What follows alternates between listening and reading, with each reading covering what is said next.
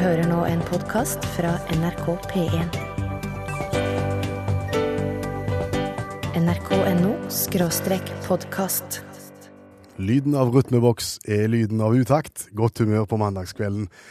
Personalet består som vanlig av Per Øystein Kvindesland og Bjørn Olav Skjæveland. Jeg har bare lyst til å begynne, jeg, Skjæveland. Ja, men vi skal ikke begynne helt, helt ennå.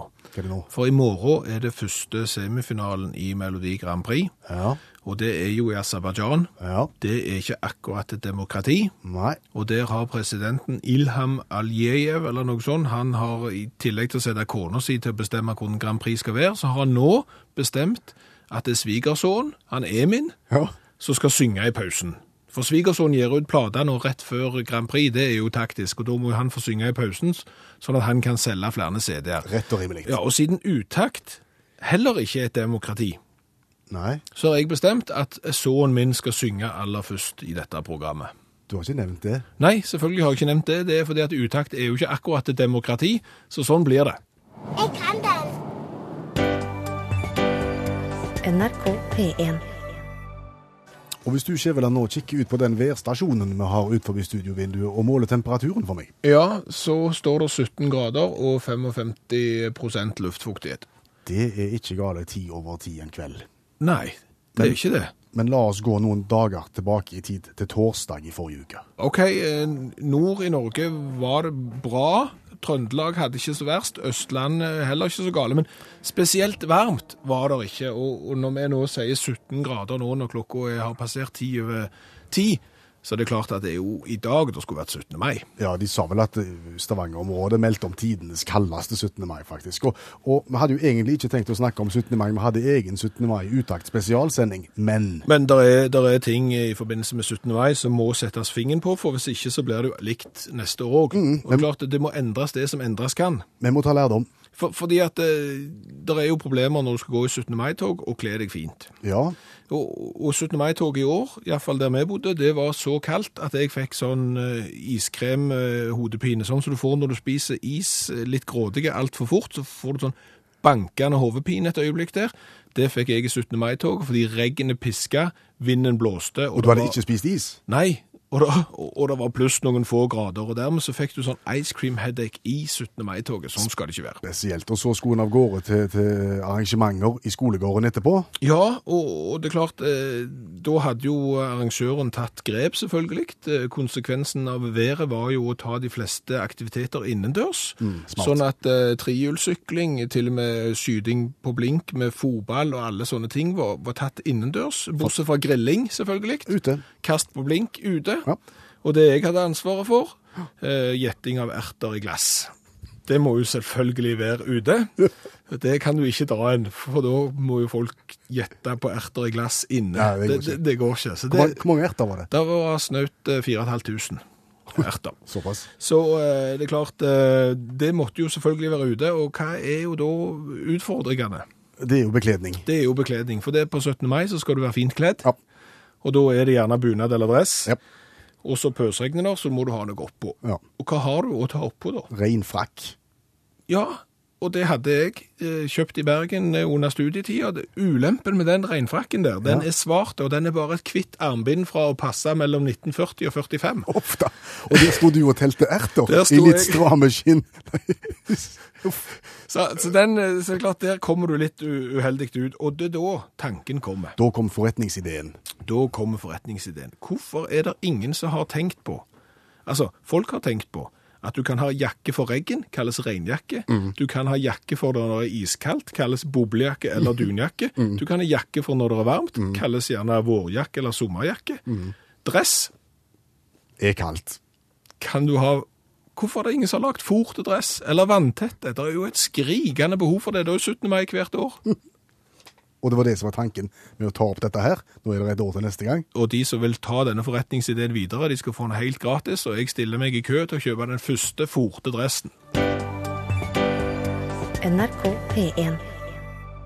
Skjæveland har trukket utendørs i behagelige 17-18 grader i Stavanger.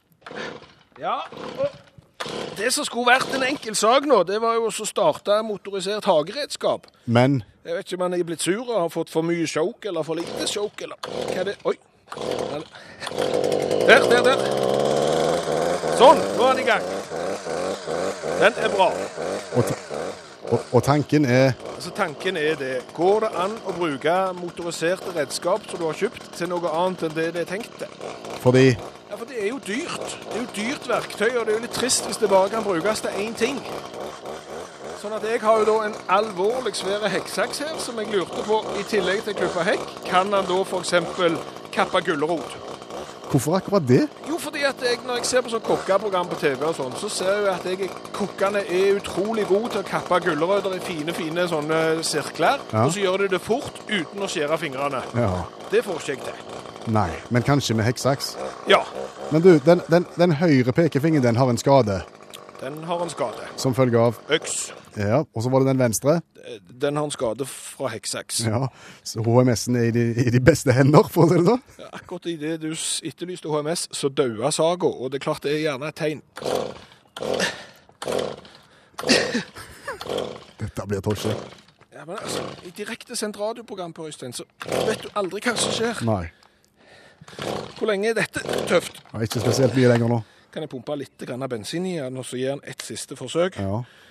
Hvis ikke, så vet jeg Nei. Skal vi spille populærmusikk? NRK P1.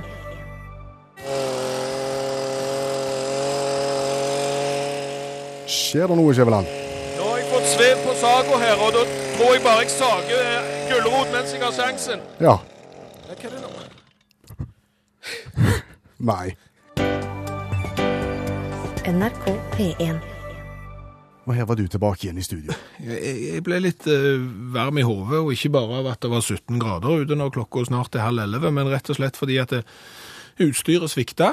Når det gjaldt som mest. Når det gjaldt som mest, en alvorlig svær heksaks med totaksolje og i det hele tatt alt.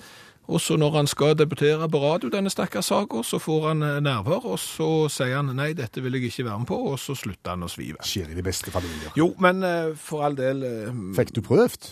Ja, jeg fikk bitte litt start på han. Han sveiv i 15 sekunder til, og da klarte jeg å kappe gulrot. Og har du en alvorlig stor og hekksaks, sånn som vi har her ute, som kan kappe greiner på sikkert 4-5 centimeter, ingen problem å lage flotte skjever av gulrot. Det dumme er jo at de fyker litt rundt omkring og havner gjerne på bakken, men det er pirk. Og litt, litt gras og olje, og det, det er pønt. Jo, for dette er viktig, altså, å finne ut hva for noen verktøy kan brukes. Jeg har eksempel funnet ut at sirkelsag ikke kan eh, kappe frossen laks.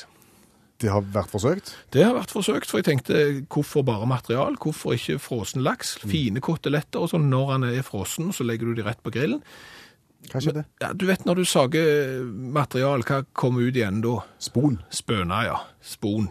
Når du sager laks, hva kommer ut i andre enden da? Laksespon. Laksespon. Og for å si sånn, det klisser seg i hele saga, så du kan bare hive den etterpå. Men tanken er god. Tanken er god. Totakt i utakt. Du hører nå en podkast fra NRK P1. Hent flere podkaster fra NRK på nettsiden nrk.no podkast.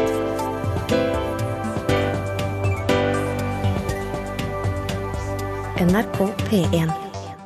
Og hekksaksa med totaktsmotor fikk prestasjonsangst da han skulle opptre i radioen, men her er det gode forslag til alternativer. Ja, Tom har kommet med forslag på SMS her. Kappsag på kjøtt.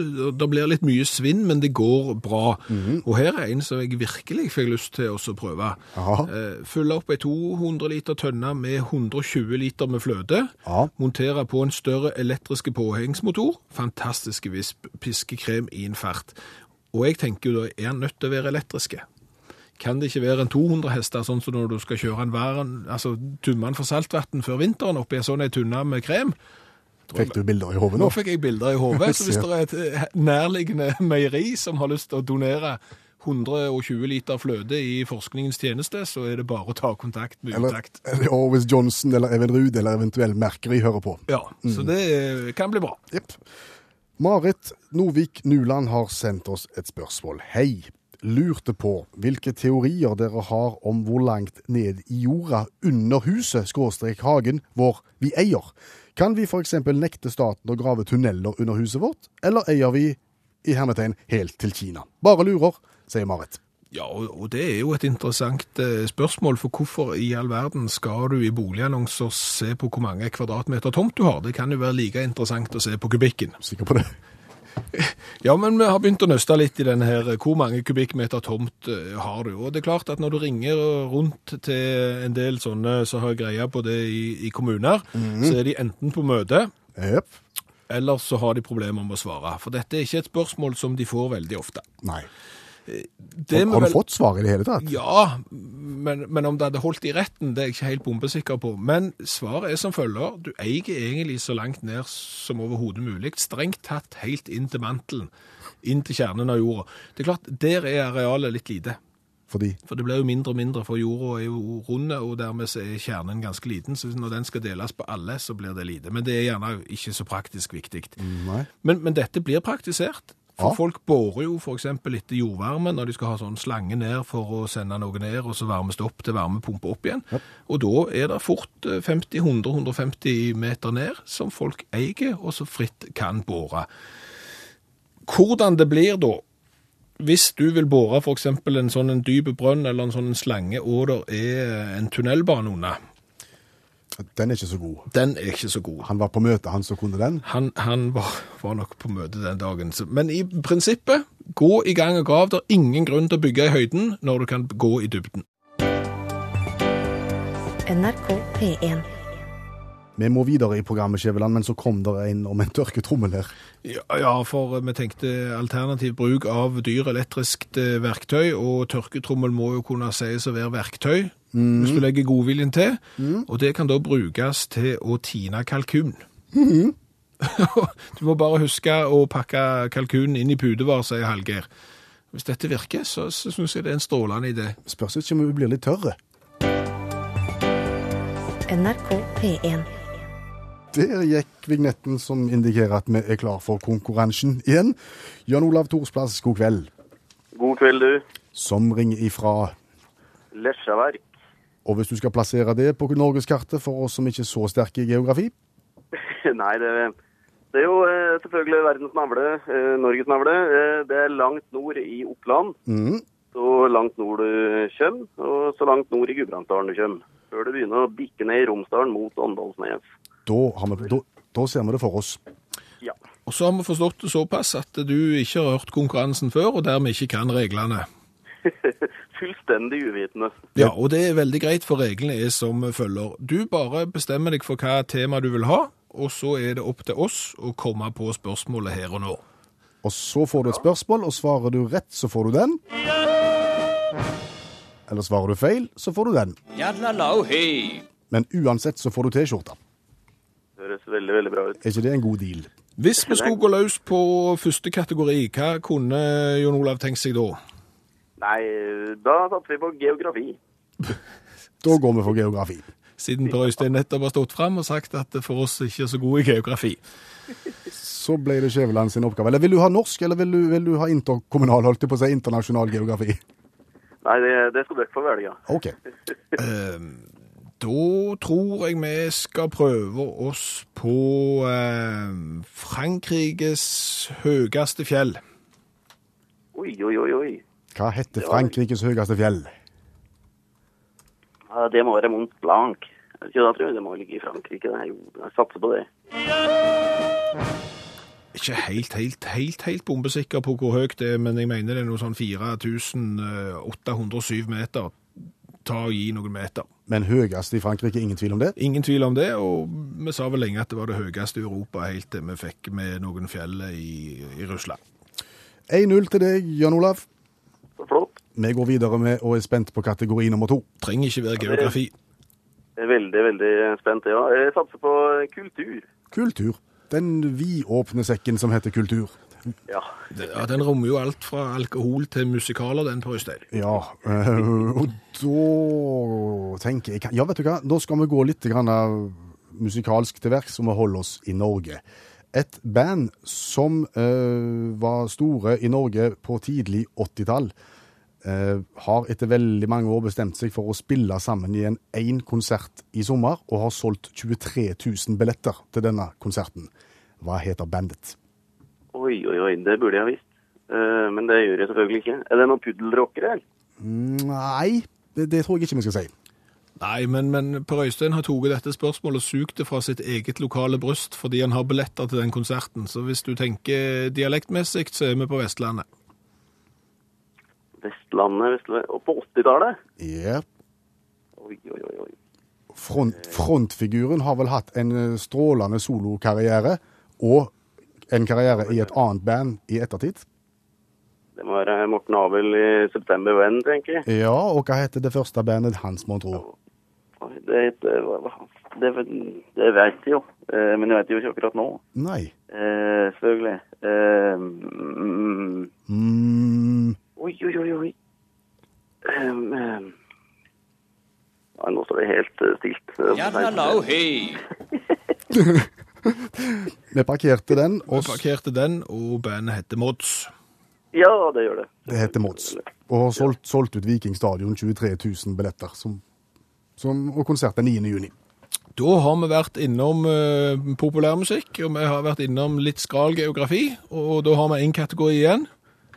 Ja, da satser vi på sport til slutt. Sport. OK. Uh, Hva heter keeperen som er kjent for sitt artige selvmål, der han kasta ballen i eget mål? Han heter eh, Bjarte Flem.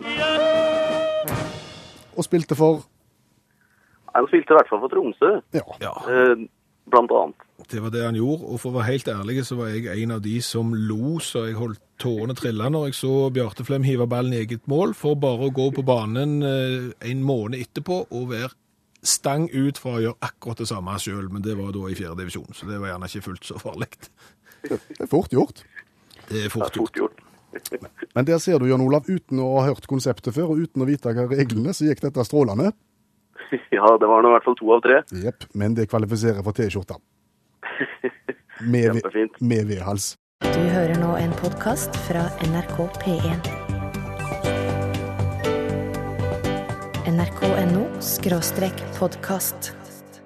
Du hører utakt i NRK P1, og jeg tenkte jeg skulle fortelle en historie fra virkeligheten, Skjævland.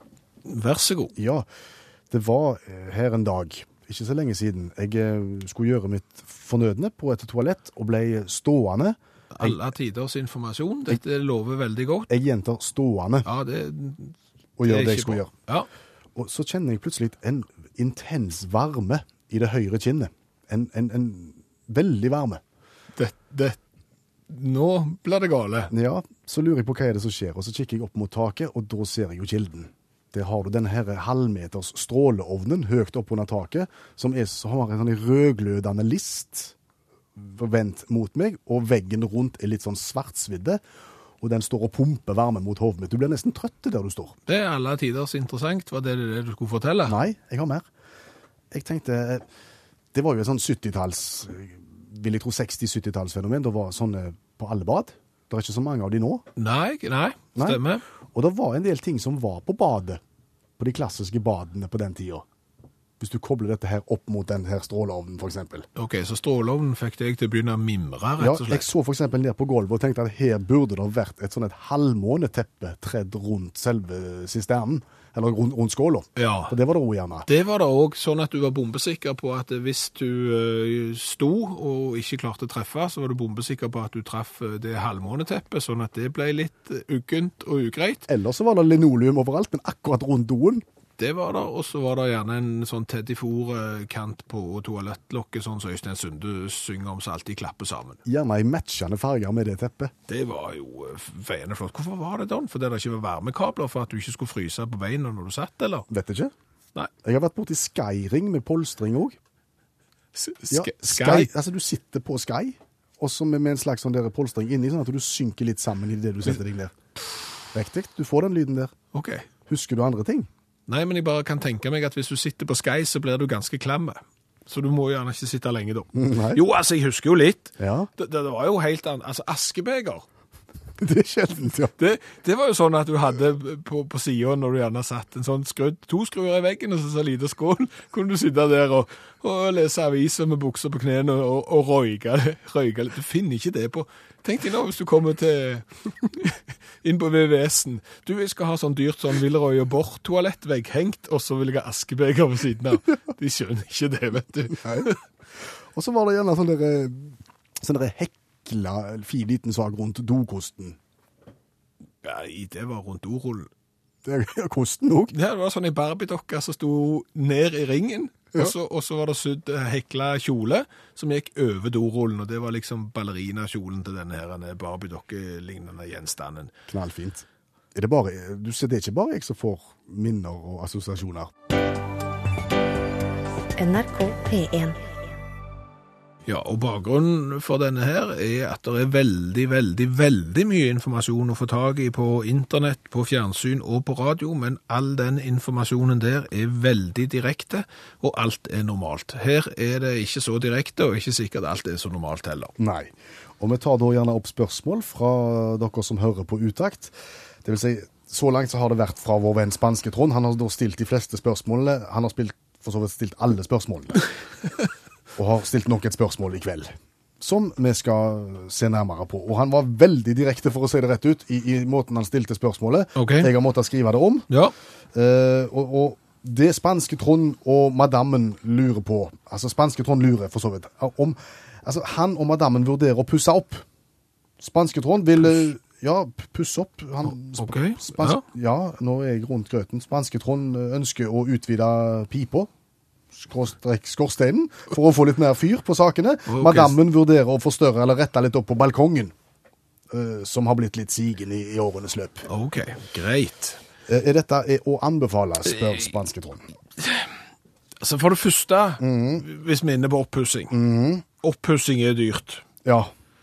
Det blir, det blir stort sett alltid dyrere enn det du tenker deg. Du kan lage og overslag og alt, og det blir alltid dyrere enn du har tenkt. Og spesielt fordi at eh, fagfolk ikke kan gi en eksakte pris. Nei. For de vet ofte ikke hva de finner når de begynner å åpne opp. Nei, altså kanskje så er det dår- dårlige trekk i pipa, Ja.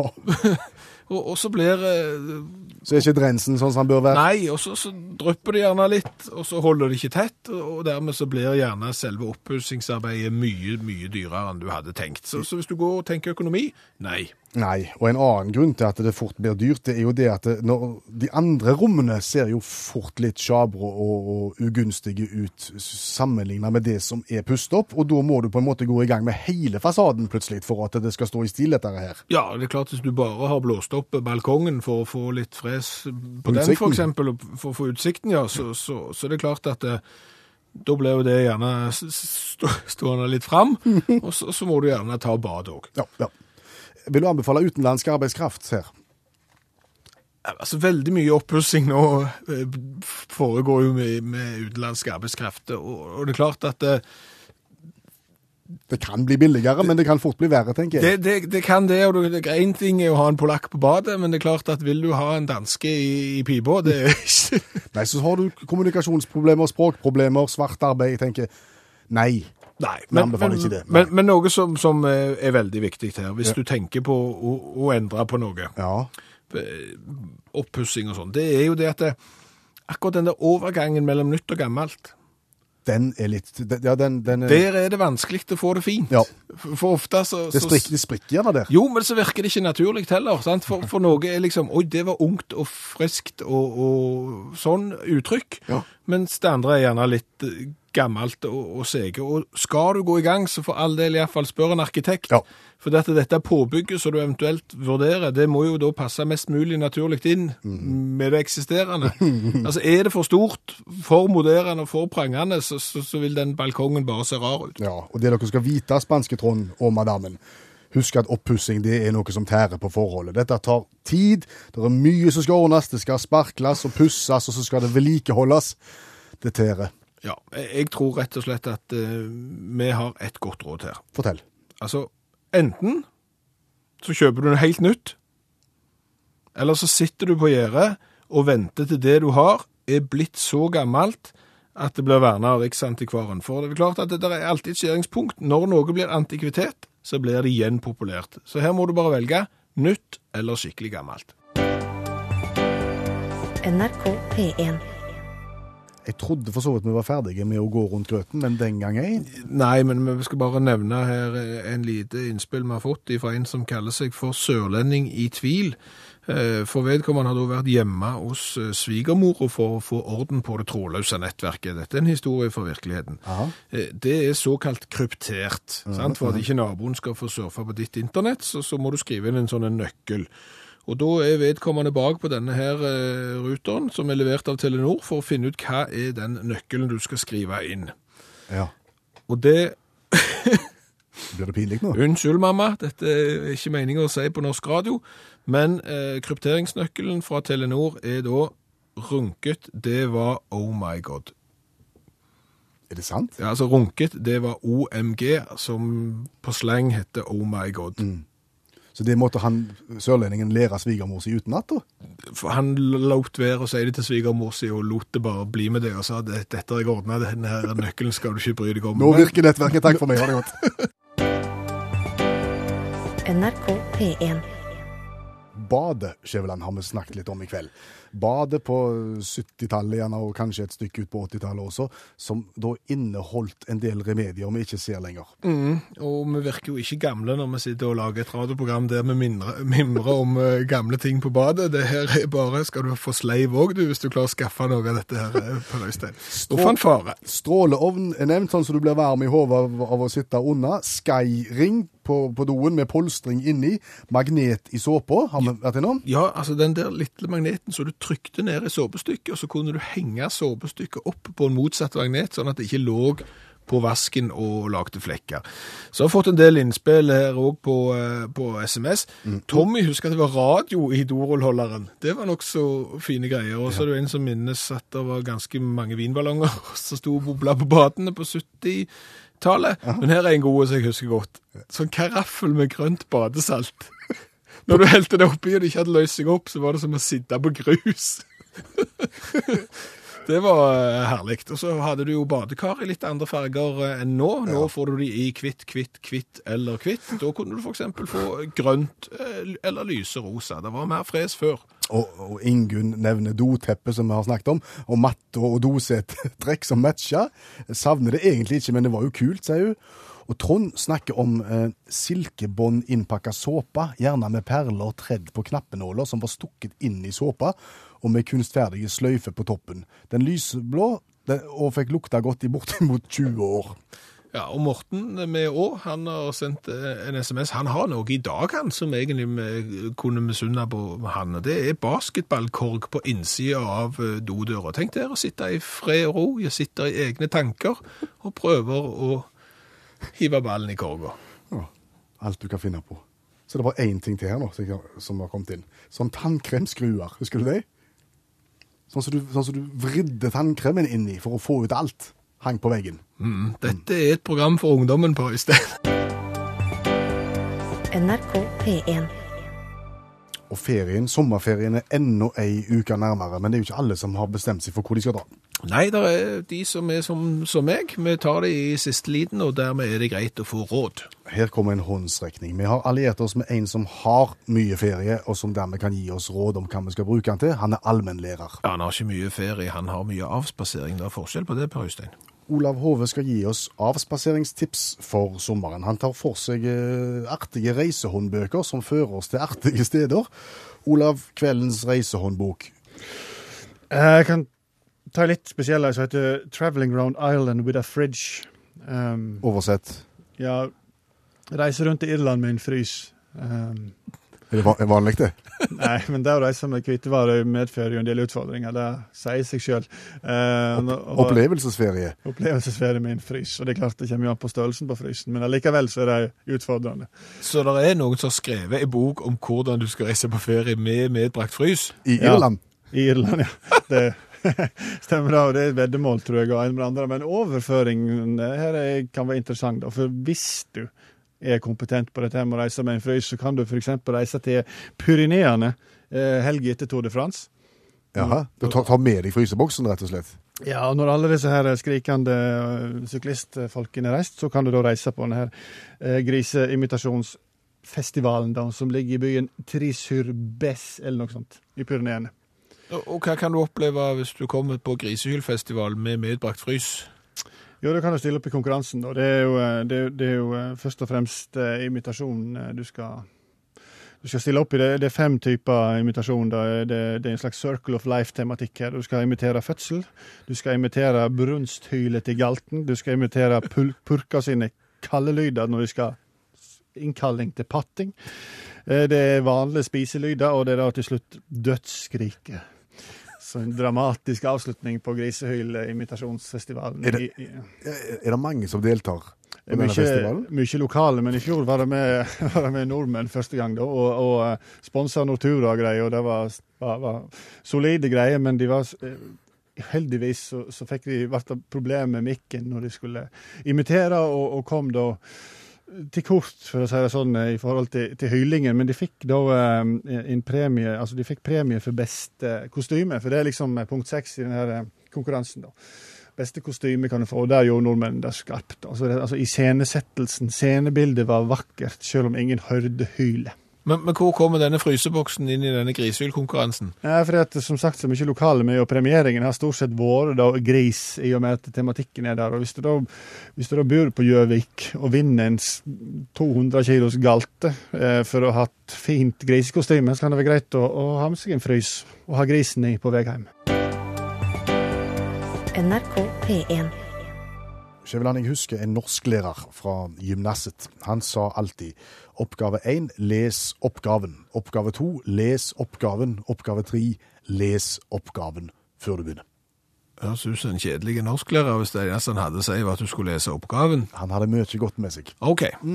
Jeg tenker tilbake på det som skjedde forrige mandag kveld omtrent på denne tida her. OK. Da har vi jo da gjerne en, en, en, et programinnslag som går på, på smelling av forskjellige ting. Ja, det begynte med papirposer. Poser som skulle blåses opp, eh, smelles mot en eh, gitt kroppsdel og skape et smell, og har eskalert eh, etter hvert som folk har sendt oss ting. Mm. Sist gang så fikk vi en sykkelslange. Og derav dette her med oppgaven. For hadde vi lest på bruksanvisningen, hadde vi lest på boksen, så hadde vi sett at det var en såkalt Det var en selvreparerende sykkelslange. Det vil si at det er noe guffe inni der, noe ja, søl. søl, som når dekket punkterer ved hjelp av sentrifugalkraften som oppstår når hjulet går rundt, skal tette bitte små hull i dekket, sånn at du slipper å måtte leie sykkelen. Men når du blåser opp det samme, den samme slangen med en kompressor, så virker ikke guffen på samme måte. Nei, da virker det som om det har vært eh, fest, og mange har kasta opp. Rundt omkring i et relativt stort areal. Rett og slett. Så ugreit var det, men i dag så kan jeg love at det produktet vi har fått tilsendt, ikke inneholder noe guffe, for det er rett og slett noe så enkelt som en badeball. Skal smelles ved hjelp av Kompressor, selvfølgelig. NRK P1. Jo, vi er klar for eh, det som vel har blitt en spalte vi kan kalle utakt eh, smelleting. Og hvis jeg skulle vært på amerikansk film og sagt He came from Stavanger, and all he did was smell things. Nei, det gikk ikke. det gikk ikke godt. Nei. Men du, Vi har fått tilsendt en badeball. den skal nå smelles med hjelp av kompressor, og det har vi funnet ut at det må vi gjøre på gangen, for der er det best akustikk. Spring ut. Så vi snakkes. Gi det. Og da eh, hører du meg her ute. Der hører vi deg, ja. Da må vi koble på kompressorslangen. Kan du, Det gjør vi i dette øyeblikk. kan du si noe om størrelsen? Sånn, Kan du og si noe er klar. Mm. Nå går er mye luft, det er mye luft, og nå Alvorlig fede.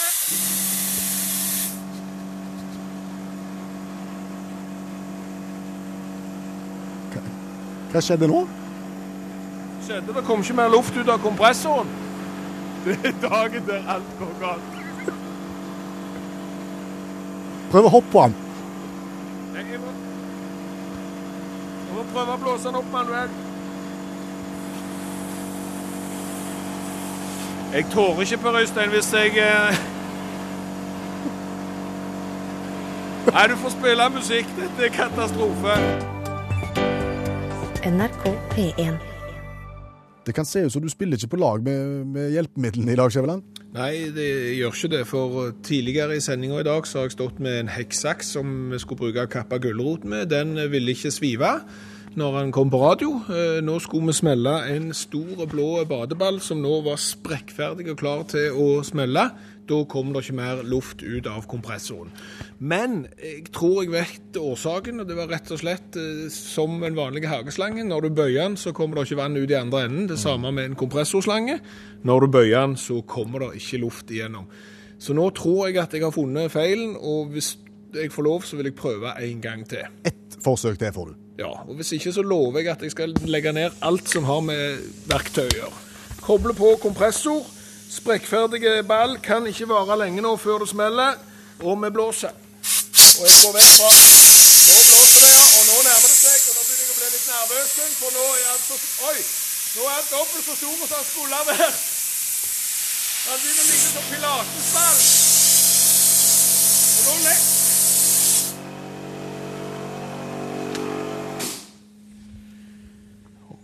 og, og, nå fikk han et hull som var to centimeter, som gjør at han ikke sprekker, at bare luften siver ut. Sånn som det. Vet du hva, Per Øystein? Det her har vært en katastrofale dag når det gjelder både smelling og saging og alt. NRK P1. Du, Vi begynte så smått dette programmet med å snakke om, om det som skjedde på 17. mai. Noe av det som skjedde på 17. mai. Ja, og hode og hale er viktig. Det begynner med noe og tar det i mål i andre enden, og dermed så skal vi slutte med litt 17. mai-prat òg, tenkte vi. Stikkordet er ballong. Eh, heliumsballong. Ja, for heliumsballong er jo blitt en viktig og ikke minst dyr ingrediens eh, for eh, de fleste familier på 17. mai. Såpass stort marked for heliumballonger at det kommer folk til Norge som ikke har lov å selge heliumballonger, men gjør det likevel for det er god butikk. Men over hele landet så har jo politiet aksjonert i år mot selgere av heliumsballonger. Jeg så f.eks. en alvorlig klase med heliumsballonger som plutselig letta fra Stavanger sentrum på 17. mai. Og din teori da var jo at selgeren har sett at politiet kom, fått panikk og sluppet beviset, for å si det sånn. Ja, det er muligens. Det er jo en teori. Men vi har jo òg eh, hørt det at eh, politiet tok folk og beslagla ballongene. Og vi tenkte på vei til politistasjonen, så er det vel om å gjøre å fjerne mest mulig bevis. Ja, fordi at de, de har vel da stappet både celler og heliumsballonger inn bak i politibilen, er det ikke det? Jo, de har nok det, og det er klart, skal du ikke bli tatt med buksene nede, så må du fjerne buksene. Ja. Og når du da kommer fram til politistasjonen, så, så ser det liksom ikke sånn ut bak i bilen som det gjorde før du kom, før, før du dro. Og politiet spør da eh, ballongselgeren hvor det er blitt av ballongene. Vært noen ballonger her. Har det aldri vært noen ballonger der? Nei, det er bare meg her. Jeg har aldri vært noen ballonger her. Altså, Før vi dro, så var det massevis av ballonger nå. Ikke snakk tøys nå. Nei, nei, nei, nei, nei, nei, nei, nei. Hvorfor har du så rar stemme? Har ikke rar stemme. Jeg, jeg snakker helt vanlig. Har du pusta inn helium? Nei da, ingen helium her i det hele tatt. Hva er all den aluminiumsfolien på gulvet? Det sånn som du skal pakke maten inn i når du steiker det. Da kan du ha de sånne feiende flotte figurer og sånn. Så kan du ha steiken din der. Og nå får du snart stemmen din tilbake òg? Du det? Ja, jeg tror kanskje det. OK, det er tøft. NRK P1. Men hvis vi skal oppsummere litt det vi har opplevd i kveld, Skjæveland, så kan vi vel kanskje si eh, mekanisk fiasko. Ja, for alle de verktøyene vi har prøvd, de har eh, svikta oss. Og, men OK, Trond eh, mener da at han har sendt melding. Han tror det er HMS-en som har hjulpet oss uten at vi er klar over det. På hvilken måte da? Nei, Siden ingenting har virka, så har vi heller ikke utsatt oss for fare. Og som HMS-ansvarlig i utakt, så kan jeg til dels være enig. Det vil alltid være en restrisiko, men den restrisikoen må du gjøre så liten som du kan. Og husk det, improvisasjon er HMS-ens verste fiende. Du har nå hørt en podkast fra NRK P1.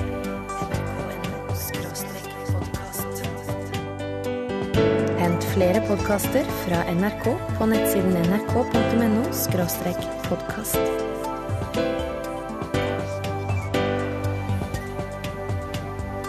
NRK P1.